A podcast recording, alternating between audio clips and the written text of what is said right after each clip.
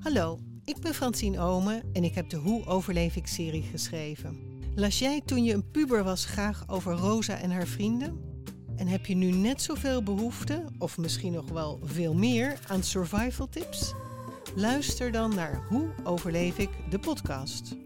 Elke week praat ik met een twintiger over problemen als burn-out, depressie, studieschuld, seks en prestatiedruk.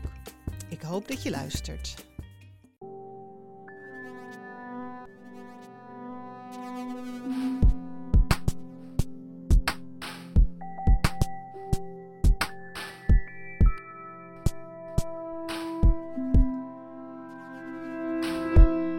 Hey, ik ben Pieter van Relaas. In Relaas vertellen mensen waar gebeurde verhalen en ze hebben die allemaal zelf meegemaakt. Deze podcastaflevering is er dankzij onze nieuwe vriend van de show en die heet Eline. Eline die geeft ons elke maand 2 euro. En met die 2 euro zijn wij op weg naar een financieel gezond model waarbij dat we deze podcast gratis kunnen houden voor iedereen. Dus als je nu luistert naar deze podcast en daar niet voor betaalt, dan is dat dankzij Eline. Merci. We gaan luisteren naar het verhaal van Fran. Ze heeft het verteld in uh, februari in Antwerpen. Het is een verhaal, geen gemakkelijk verhaal, over verlies, maar ook over dat klein streepje licht aan de andere kant van de tunnel.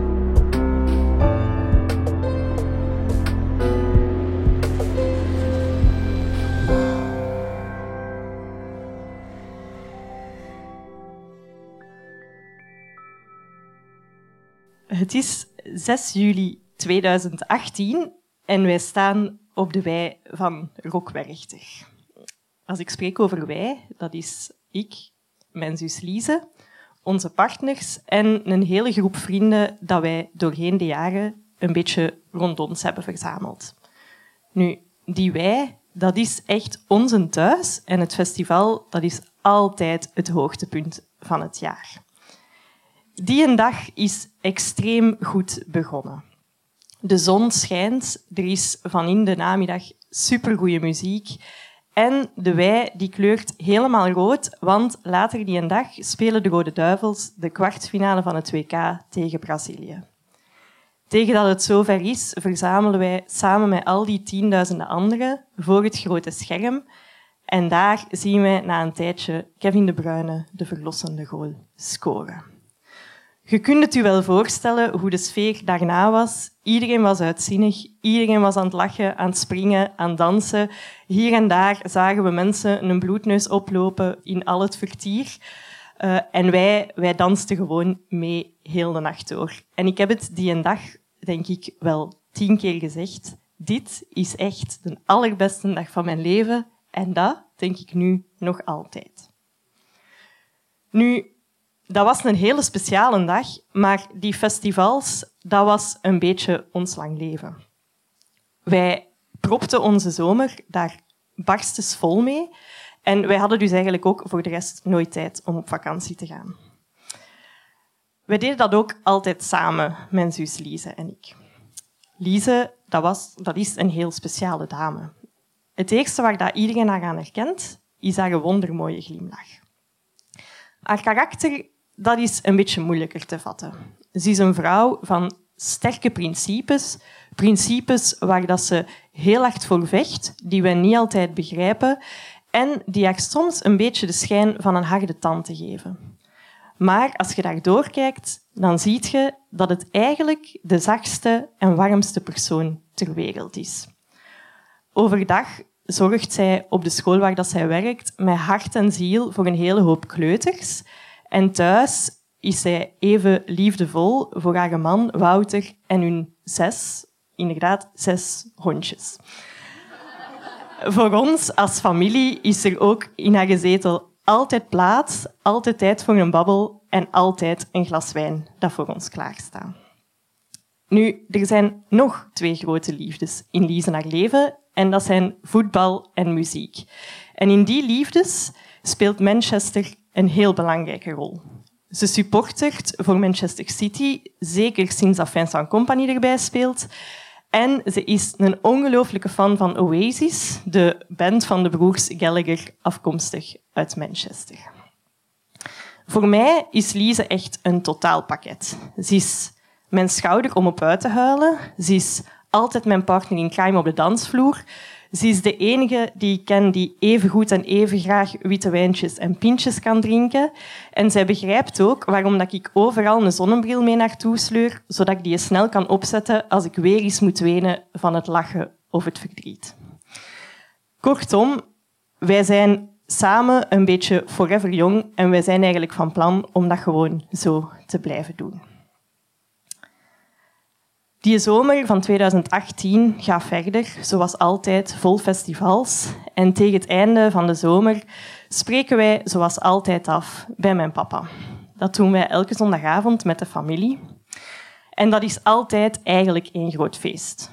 Wij eten, wij drinken, wij maken plezier, wij lachen en wij kibbelen ook. En deze keer gaat dat specifiek over of het nu wel of niet een goed idee was of Willy Sommers dat jaar op Pukkelpop mocht spelen. Bon, we komen daar niet echt uit, maar de avond gaat verder. Zoals altijd, we wassen nog af. Zoals altijd, tegen een uur of half negen maken wij ons klaar om naar huis te gaan. We staan recht. Lise doet de um, halsbandjes van de hondjes aan. En toen, op dat moment, na 35 jaar, stopt haar hart met kloppen. En van de ene seconde op de andere waren wij onze liefste Lise voor altijd kwijt. Ik verlies mijn zus en mijn beste vriendin. En dat is het begin van een lawine aan gebeurtenissen die al het vertrouwde uit mijn leven onderuit haalt. Mijn partner en ik, wij groeien uit elkaar en waar dat wij elkaar altijd toch vonden of verstonden, kunnen wij nu precies niks meer voor elkaar doen. Ook vriendschap is voor mij opeens niet evident meer. Enerzijds heb ik vrienden die er heel hard voor mij willen zijn, maar ik duw die hele tijd weg, want ze zijn Lise niet. En anderzijds zijn er vrienden die ik heel hard nodig heb, maar die ik niet meer hoor of zie, omdat ze precies een beetje bang van mij geworden zijn. En ook mijn familie, die herken ik niet helemaal meer. Want wij waren altijd de plezante, gezellige, vrolijke bende. En nu zijn wij allemaal hoopjes verdriet. En hoe hard dat wij ook ons best doen om voor, elkaar, om voor elkaar te zorgen, uiteindelijk moeten wij het allemaal alleen doen. En dan voel ik mij voor het eerst in mijn leven helemaal alleen. Er volgen dagen, weken, maanden van heel veel donkerte en een heel diepe rouw. Ik heb eigenlijk geen zin meer om op te staan en ik zou het liefst van al in een klein bolletje kruipen en gewoon een beetje over mijn bolletje laten aaien. Maar de wereld die draait natuurlijk gewoon door en ik voel mij in die tijd als een koorddanser dat heel wankel op zijn koord staat, maar toch heel de tijd trucjes uitvoert om in evenwicht te blijven en vooral niet te vallen. Ik ben in diepe rouw in de eerste plaats om mijn zus en mijn beste vriendin ook om mijn relatie, om mijn familie, maar ook voor een heel groot deel besef ik om mijzelf. Want met Lise is er precies een heel stuk van mij gestorven en ik herken mijzelf niet meer. Ik ben mijn identiteit precies kwijt. Ik kan niet meer dansen, ik moet bijna niet meer lachen en muziek, dat verdraag ik nog nauwelijks. Al zeker van die bands waar dat wij altijd samen naar geluisterd hebben. Het is in die periode alsof dat er een constante wolk boven mijn hoofd hangt die een schaduw over heel mijn leven en alles rondom mij werpt. Maar dan, even plots, als onverwacht, komt daar toch weer een beetje licht door. Onder lichte dwang van Tim, mijn grote broer, schrijf ik mij in om een weekje te gaan dansen in Frankrijk onder de Franse zon. En daar leer ik opnieuw leuke mensen kennen. Ehm, ik moet voor het eerst sinds ongelooflijk lang nog eens zo hard lachen dat ik er buikpijn van heb. En ik heb voor het eerst terug het gevoel, misschien kunnen we er toch nog iets van maken. Een paar maanden later schrijf ik mij al even impulsief in voor een yoga-weekend. En daar, hoe onverwacht, leer ik tussen de kopstanden en de neerwaartse honden door toch terug de liefde kennen. Die liefde brengt mij een beetje later er ook toe om de deur in Gent achter mij dicht te trekken en naar Antwerpen te verhuizen. En stilletjes aan leer ik ook terug om vriendschap toe te laten in mijn leven. Ik zoek oude vrienden terug op en ik maak er ook fantastische nieuwe bij. En ik besef, hmm, er zijn toch nog mensen in de wereld bij wie dat ik gewoon mijzelf kan zijn. En zo begin ik stilletjes aan terug een beetje aan mijn leven te puzzelen. En ik besef, een Lise, die ga ik niet meer vinden en daar moet ik ook niet meer naar op zoek. Maar wat ik wel kan doen, is mensen een beetje samen puzzelen en zo een nieuwe supervriendin creëren. Dus nu heb ik iemand om wijntjes mee te drinken, iemand om mee te gaan dansen, een ander om bij uit te huilen, eentje om mee over de koers en de voetbal te praten. Het enige wat nog ontbreekt is iemand om schattige foto's van hondjes te sturen. Dus als er kandidaten zijn, mogen die zich altijd melden. en wat ik ook op dat moment besef, is dat er dingen zijn die ik vanaf nu gewoon alleen op mezelf mag doen. En zo kom ik ertoe om op een bepaald moment toch nog maar eens alleen naar de AB te gaan en daar gewoon volledig uit de bol te gaan en te staan dansen en het mij niet aan te trekken dat mensen daar een beetje raar van opkijken. Ik heb jullie daarnet verteld dat Manchester een heel belangrijke rol in Lise haar leven speelt. Nu, ondertussen zijn we in mijn verhaal begin 2022 beland en op dat moment kondigt Liam Gallagher een optreden aan in het stadion van Manchester City.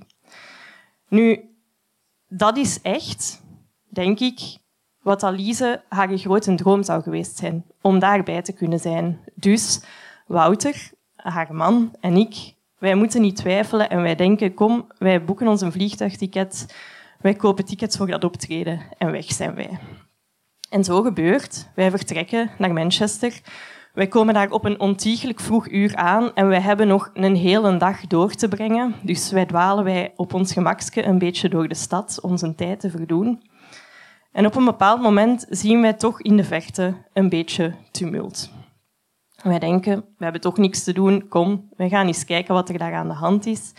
En wij komen bij een klerenwinkel en dan kijken wij door dat raam en zien wij daar op een paar meter van ons Liam Gallagher kleren staan te passen op zijn dode gemak.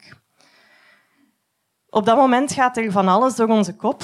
Ik kijk naar Wouter, Wouter kijkt naar mij en het enige dat wij kunnen denken is, oké, toeval bestaat echt niet. Um, ik heb ook vaak nagedacht over wat Lise op dat moment zou gedaan hebben. Ik denk eigenlijk dat ze misschien gewoon weggelopen zou zijn, maar wij beslissen toch maar te blijven staan. En na een tijdje komt Liam Gallagher, Liam Gallagher buiten. Wij, um, doen, wij slagen er zelfs nog in om een kort babbelje met hem te doen. Wij nemen een foto en weg is hij. Wij zijn compleet uh, van ons melk over wat dat wij net hebben meegemaakt. Maar bon, s'avonds moeten wij dan toch ook nog naar dat concert. Dus dat doen wij ook. En wij beleven daar eigenlijk opnieuw een van de schoonste momenten van ons leven. Wij staan daar tussen allemaal uitzinnige Britse Oasis-fans. Wij staan samen halve liters bier te drinken, alles luidkeels mee te zingen. En zoals verwacht moet ik eigenlijk om de 30 seconden mijn zonnebril opzetten, omdat ik toch maar meer moet wenen van geluk en van verdriet. Um, en op dat moment besef ik dat alles eigenlijk gewoon goed is en dat ik niet alleen ben. En het voelt eigenlijk heel die avond alsof Lise gewoon naast ons staat en meedrinkt en meezingt en vooral heel hard mee moet lachen om het feit dat Liam Gallagher blijkbaar nog altijd exact dezelfde kleren aan heeft als toen we hem uren daarvoor op straat waren tegengekomen. En dan, um, dan komt voor mij het besef dat ik eigenlijk nooit meer in mijn leven alleen ga zijn. En dat er voor altijd een wolk boven mijn kop hangt, maar dat er ook een zon doorschijnt. En die zon, dat is Lise. En zo heb ik voor altijd mijn eigen superster. Dank u wel.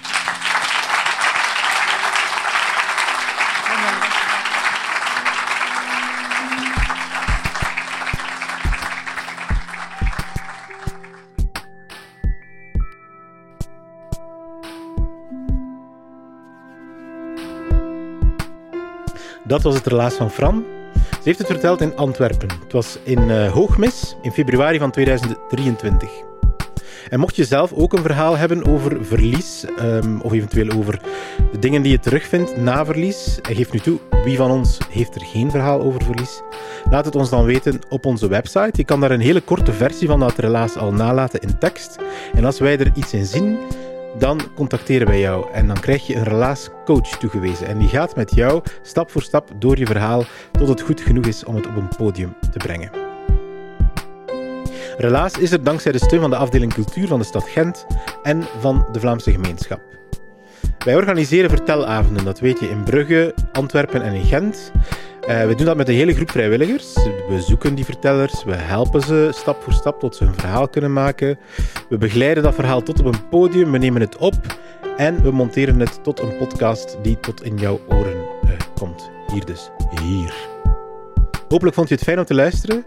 Uh, wij vonden het in ieder geval super om deze podcast te maken. En als je graag hebt dat we dat blijven doen, geef ons een klein financieel duwtje in de rug. Dat kan je door een vriend van de show te worden vriendvandeshow.be slash relaas. Eventjes doorklikken en dan kan je kiezen per maand 2 euro of meer of meteen voor een heel jaar betalen. Het is volledig up to you.